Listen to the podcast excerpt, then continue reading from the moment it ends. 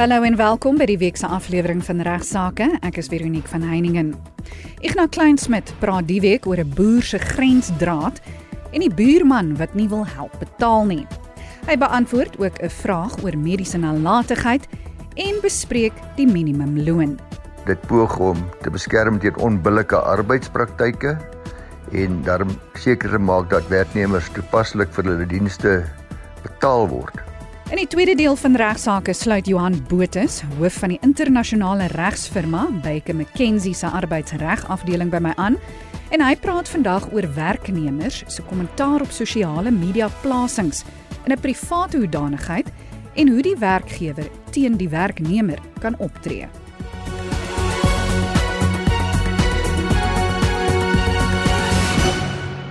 Die week begin ons die program met Ignas wat 'n brief bespreek wat hy van 'n boer uit die Waterberge ontvang het wat handel oor die buurman wat nie wil help betaal vir 'n grensdraad nie. Ja, baie hartlike goeiemôre vanaf my kant aan almal van u wat ingeskakel is. Uit die briewe is dit duidelik dat ons ook baie Engelse luisteraars het. So also to you, good morning. Ek het 'n skrywe ontvang vanaf 'n persoon wat homself noem oom Sam, my boer daar iewers in die Waterberge. En hy kla oor sy buurman. Hy skryf as volg: Ek haal net so aan. Ek boer met kommersiële beeste en my buurman met brahmane. Sy brahmane breek gereeld ons grensdraad en die buurman moet dan die herstelkoste betaal wat hy wel doen. As my beeste die grensdraad verniel dan betaal ek. Ek het nou besluit om ook met wild te boer, soos baie ander boere in hierdie omgewing. Ek het 'n aparte kwotasie gekry vir die wildsyning op ons gesamentlike grens van my, my en my buurman. Ek het dit uh, vir die buurman gestuur. Nou sê en ek kalmer sy woorde aan, die donder weier om sy helfte te betaal. Sy houding is dit niks met hom te doen het nie. Ek wil prosedeer, maar wil net eers hoor wat jy sê. Nou ja, oom Sam, as jy weet hoe oud ek is, sal jy beslis nie jouself oom noem, maar ek wil tog so 'n paar gedagtes net lig oor wie moet opdok vir 'n uh, gesamentlike heining op die grens tussen twee eienaars. Oor die jare heen was daar regtig 'n horde hofsaake oor grensdrade tussen eienaars van aangrensende plase en so ook was daar 'n klomp hofsaake oor byvoorbeeld snotsiekte waar iemand begin met wildboer terwyl sy buurman met beeste boer. Maar ek gaan nie vandag daaroor praat nie. Die vraag ontstaan hoeveel die nuwe buurman tot die instandhouding van die bestaande heining of die bestaande of 'n nuwe heining of selfs die opbrug van 'n verbeterde heining moet bydra. Nou die omheiningswet wet 31 van 63 reël al die regte en verpligtinge oor grensdrade van aangrensende eienaars. Is eerstens baie belangrik om kennis daarvan te neem dat die minister kan in sekere gebiede deur 'n kennisgewing in die staatskoerant verklaar dat hierdie grondeienaars in daardie gebied verplig is om kostes by te dra tot grensdrade. So maak maar seker dat u dalk in so 'n gebied is, maar Die probleem ontstaan gewoonlik wanneer mense eiendom besit of bekom in 'n gebied waar bydraes nie verpligtend is nie. En dan is dit so dat een persoon is die eienaar van 'n eiendom waarmee hy met beeste boer, net soos oom Sam en sy buurman. Hy is dus slegs afhanklik van 'n gewone beeshouding om sy beeste behoorlik binne die grense te hou. Maar nou besluit die eienaar net soos oom Sam om wild aan te hou en 'n gewildshouding op. Nou dit sal immers onregverdig wees om dan van sy buurman te verwag om 'n bydrae tot die wildsyning te lewer en om daardie heining van tyd tot tyd in stand te help hou. So om te prosedeer om sy hom gaan beslis nie in jou belang wees nie. Die eienaar van die eiendom wat van 'n wildsyning afhanklik is, kan slegs daarop aandring as jy na die wet gaan kyk dat die aangrensende eienaar 'n bydrae tot die instandhouding van jou nuwe heining lewer, maar asof daardie heining 'n gewone beesheining sou wees. Dis maar 'n feite vraag is. Dis kinders is baie keer nodig om vas te stel presies wat 'n gewone beesheining so instandhouding sou wees en wat die buurman dus uh, moet bydra as sy helfte. 'n Groot probleem ontstaan egter wanneer die eienaar wat net met beeste boer self besluit daarna om dit wild te boer. So jy het nou jou wildseining opgesit, hy het geweier om te betaal soos in hom Sam se geval, maar nou 'n jaar of 3 later besluit hy om ook met wild te boer. So hy benut nou ook daardie wildseining wat sy buurman reeds aangebring het. Nou volgens jou myningswet sal die eienaar van eh, die wildsplaas dan geregtig wees dat die buurman wat nou ook die wildseining gaan benut 50% bydra daartoe lewer. Dit sal wees om die redelike en billike koste te help dek wat dit jou destyds gekos het om so wildseining op te rig en om daardie heining in stand te hou. Maar wat nou as 'n buurman weier? Dan natuurlik volgens bylaat 2 van die omheiningswet kan die eienaar as daar 'n geskil is aan die ander eienaar kennis gee dat hy graag wil hê dat die saak bereg moet word deur 'n raad wat aangestel is soos die bylaag van die wet dit moontlik maak. Nou hierdie raad bestaan uit 3 lede waar mense kan ook ooreenkom as buurmanne dat dit dit een lid sal wees en uh, daar moet benoemings gemaak word binne 'n paar weke. Die raad sal verplig om hierdie aangeleentheid te ondersoek en 'n beslissing vir die twee eienaars te gee.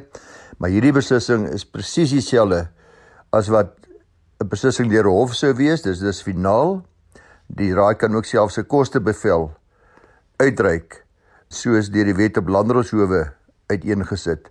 Nou die voordeel natuurlik is dat hierdie proses baie vinniger is as die gebruikelike hofprosedure. Nou dan kry mense ook natuurlik 'n akkoordlyn. Dis nou hierdie sogenaamde niemandsland. Dis 'n grensdraad tussen twee eiendomme wat geskei word deur 'n waterloop of deur 'n rivier of 'n reeks berge en kraanse waar dit onmoontlik is om heining daar op te rig. En weer eens met die partye maar oor die inkomste dan bereik waar hulle die beste is vir albei om hierdie heining op te rig. Die mees voordelig vir hulle albei. En as hulle nie kan oor die inkom nie kan hulle dieselfde proses volg wat ek nou reeds vir u verduidelik het. Dus oom Sam om jou vraag te beantwoord, ongelukkig sê jy nie kan prosedeer nie en wat instandhouding betref sal jou buurman net mettertyd verplig wees om die instandhouding 50% van te betaal asof dit nog steeds 'n besigheid is. Goed. Gaan bespreek nou nog 'n luisteraarsbrief oor mediese nalatigheid.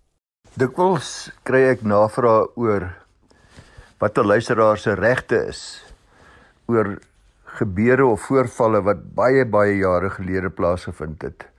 So kry ek ook 'n navraag van Cecile van Gordons Bay Sy sê dit sy nou al uh, vir 'n baie lang tyd oorweeg om 'n regsadvies in te win, maar dit sy telkens uitstel.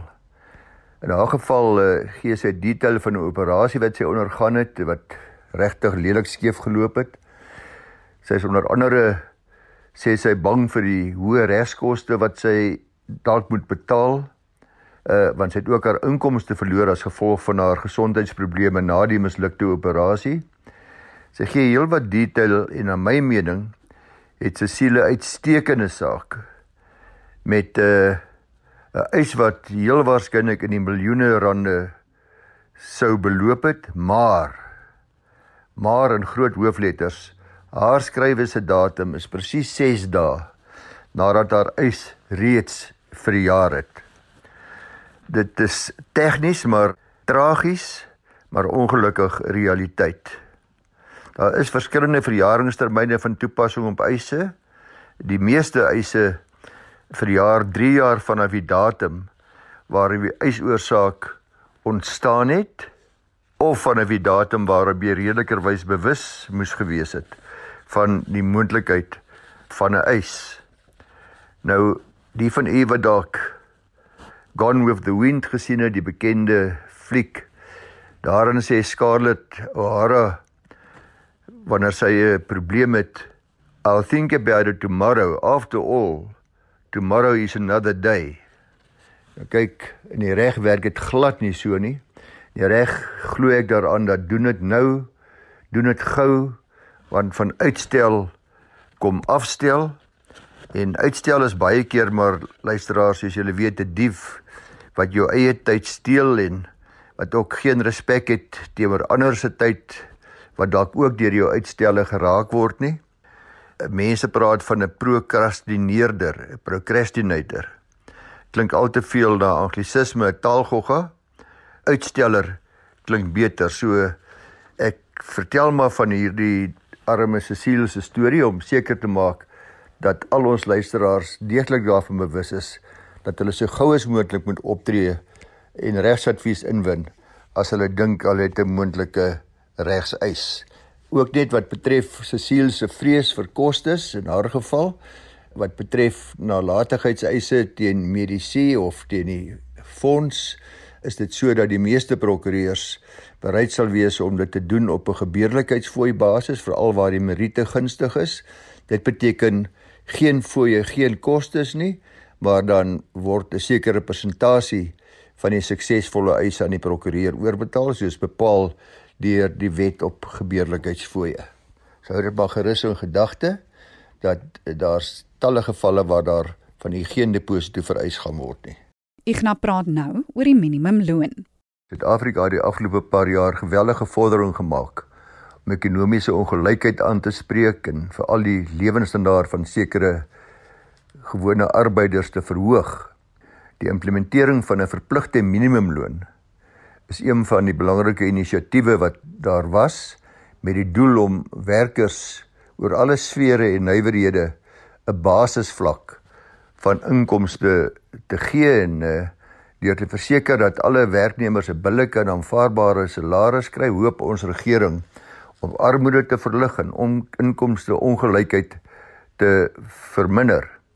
Gewoonlik is daar 'n onpartydige paneel van deskundiges wat bepaal wat die vereiste minimumloon uh, van toepassing moet wees.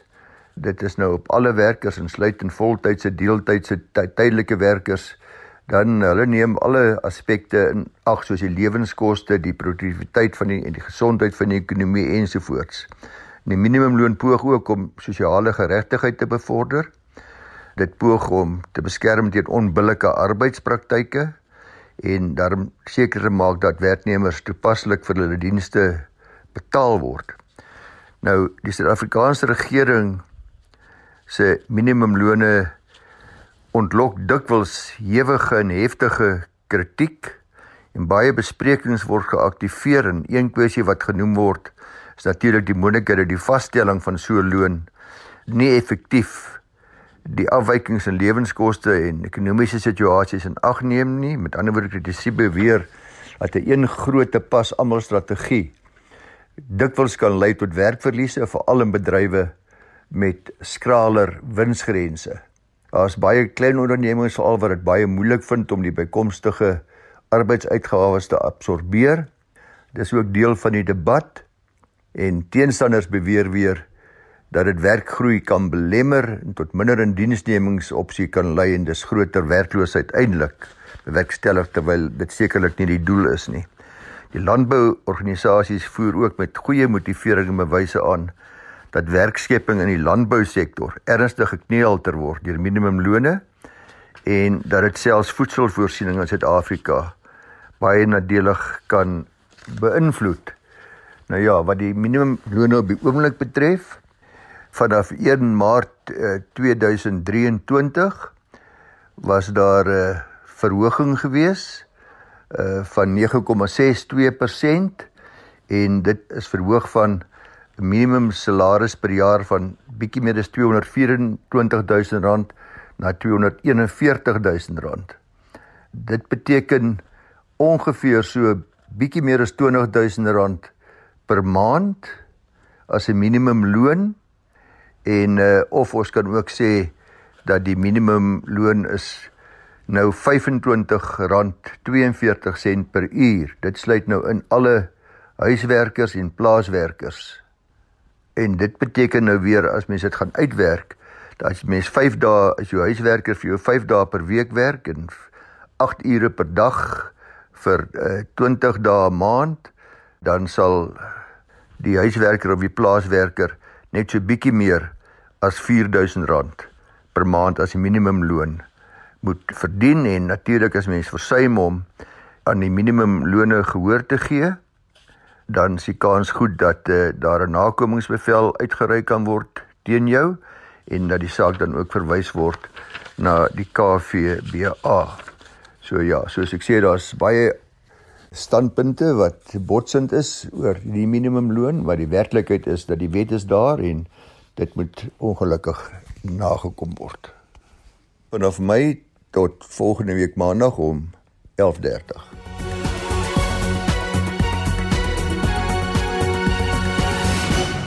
Die week verwelkom ek weer vir Johan Botus, hoof van die internasionale regsfirma Baker McKenzie se arbeidsregafdeling in Johannesburg. Hy praat vandag oor werknemers se kommentaar op sosiale media plasings in 'n privaat hoedanigheid en hoe die werkgewer teen die werknemer kan optree. Welkom terug by Regsake Johan.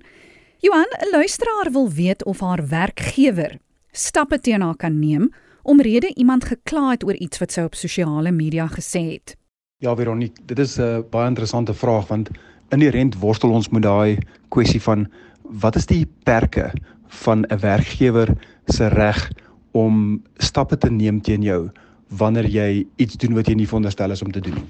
Inherent in enige diensverhouding, enige werksverhouding is die konsep van dat die werkgewer het die reg om werksplek reëls daar te stel en die werknemers is onder verpligting om seker te maak dat hulle gedrag binne daai werksplek reëls en standaarde sou wees. En waar hulle die reëls oortree of nie doen wat hulle veronderstel is om te doen nie of goed doen wat hulle nie mag doen nie, dan het die werkgewer die reg om stappe te neem teen hulle waar die werknemers verkeerdelik optree. So met opset of as gevolg van my nalatigheid doen ek goed wat ek nie veronderstel is om te doen nie of ek het nie by goed uitgekom wat ek veronderstel was om te doen nie, dan het die werkgewer die reg om dissiplinêre stappe teen my te neem.